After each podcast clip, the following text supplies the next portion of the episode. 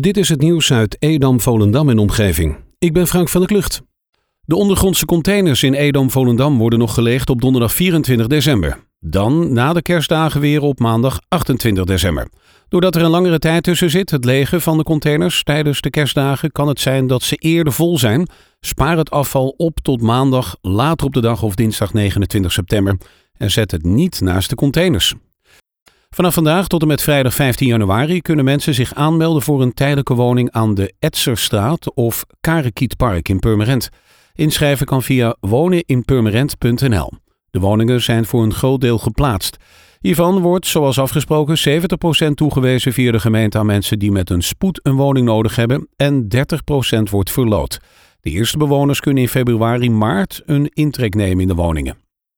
Het Dijklander ziekenhuis gaat de corona-afdelingen in Horen en Purmerend uitbreiden nu het aantal besmettingen sterk stijgt, zo schrijft het Noord-Hollands Dagblad.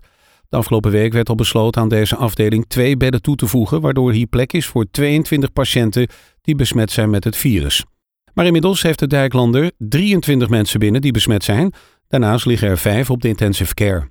De verwachting is dat in de loop van de week duidelijk wordt hoeveel plekken er in eerste instantie weer vrijkomen. Begin 2023 moet het busvervoer in deze regio helemaal elektrisch zijn. In theorie zouden dat ook waterstofbussen kunnen zijn, maar in Zaanstreek-Waterland rijden die nog niet. Wel stromen er al steeds meer elektrische bussen in.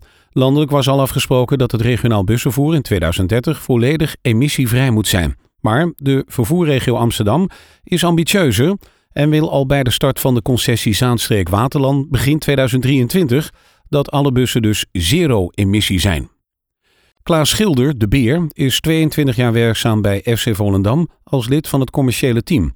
Klaas werd tijdens een bezoek verrast door bestuurslid Jan Smit en benoemd tot erelid van FC Volendam. Een video van dit bezoek is te vinden op de website van FC Volendam. De supermarkt in Purmerend mogen in aanloop naar de kerstdagen twee dagen langer open dan gebruikelijk. Het college heeft besloten om aan een verzoek van de supermarkt gehoor te geven. De supermarkten verwachten de dagen voor kerst grote drukte. Het Centraal Bureau Levensmiddelhandel heeft daarom gemeenten gevraagd om extra winkeluren beschikbaar te stellen om de grote aantallen klanten beter te kunnen spreiden en daarmee de veiligheid en ruimte voor de klanten te waarborgen. De supermarkten krijgen toestemming om zondag 20 december hun deuren te openen van 7 tot 10. En datzelfde geldt voor de dag voor kerst. Het college van Purmerend wil graag meer omwonenden en andere inwoners van Purmerend betrekken bij de plannen voor de herinrichting van het wandelbos in de Kom A7. Een aantal bewoners heeft in een drietal ontwerpateliers meegedacht over het ontwerp. Om nog maar een reactie uit de stad te krijgen, worden de plannen momenteel voorgelegd aan het internetpanel van de gemeente. Dit panel bestaat uit zo'n 2500 Purmerenders en is qua samenstelling een goede afspiegeling van de stad. Naar verwachting neemt het college dit voorjaar een besluit over het schetsontwerp.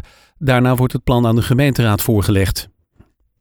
Het kabinet wil niet-essentiële winkels, alle scholen en andere instellingen zoals theaters en musea zeker een maand lang sluiten om een einde te maken aan de forse stijgingen van het aantal nieuwe coronabesmettingen. De niet-essentiële winkels, zoals kapsalons en kledingwinkels, hebben hun deuren vannacht al moeten sluiten. De sluiting gaat duren tot 19 januari. Tot die tijd zal een strenge lockdown gelden, maar een avondklok zit er niet in. De scholen moeten vanaf woensdag de deuren sluiten en de lessen weer zoveel mogelijk online doen. Dit jaar organiseert de gemeente Landsmeer weer een isolatieactie. Vorig jaar was deze inkoopactie een succes.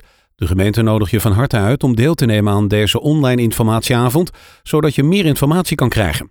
Deze vindt vanavond plaats om half negen tot half tien. Tijdens de informatieavond geeft een onafhankelijk adviseur van het Duurzaam Bouwloket je advies over isolatiemaatregelen, materialen, belangrijke aandachtpunten en de subsidie- en financieringsmogelijkheden. Je hebt de mogelijkheid om vragen te stellen via een live chat. Tot zover het nieuws uit Edam, Volendam en omgeving. Meer lokaal nieuws vindt u op de Love Kabelkrant, onze website of in de app.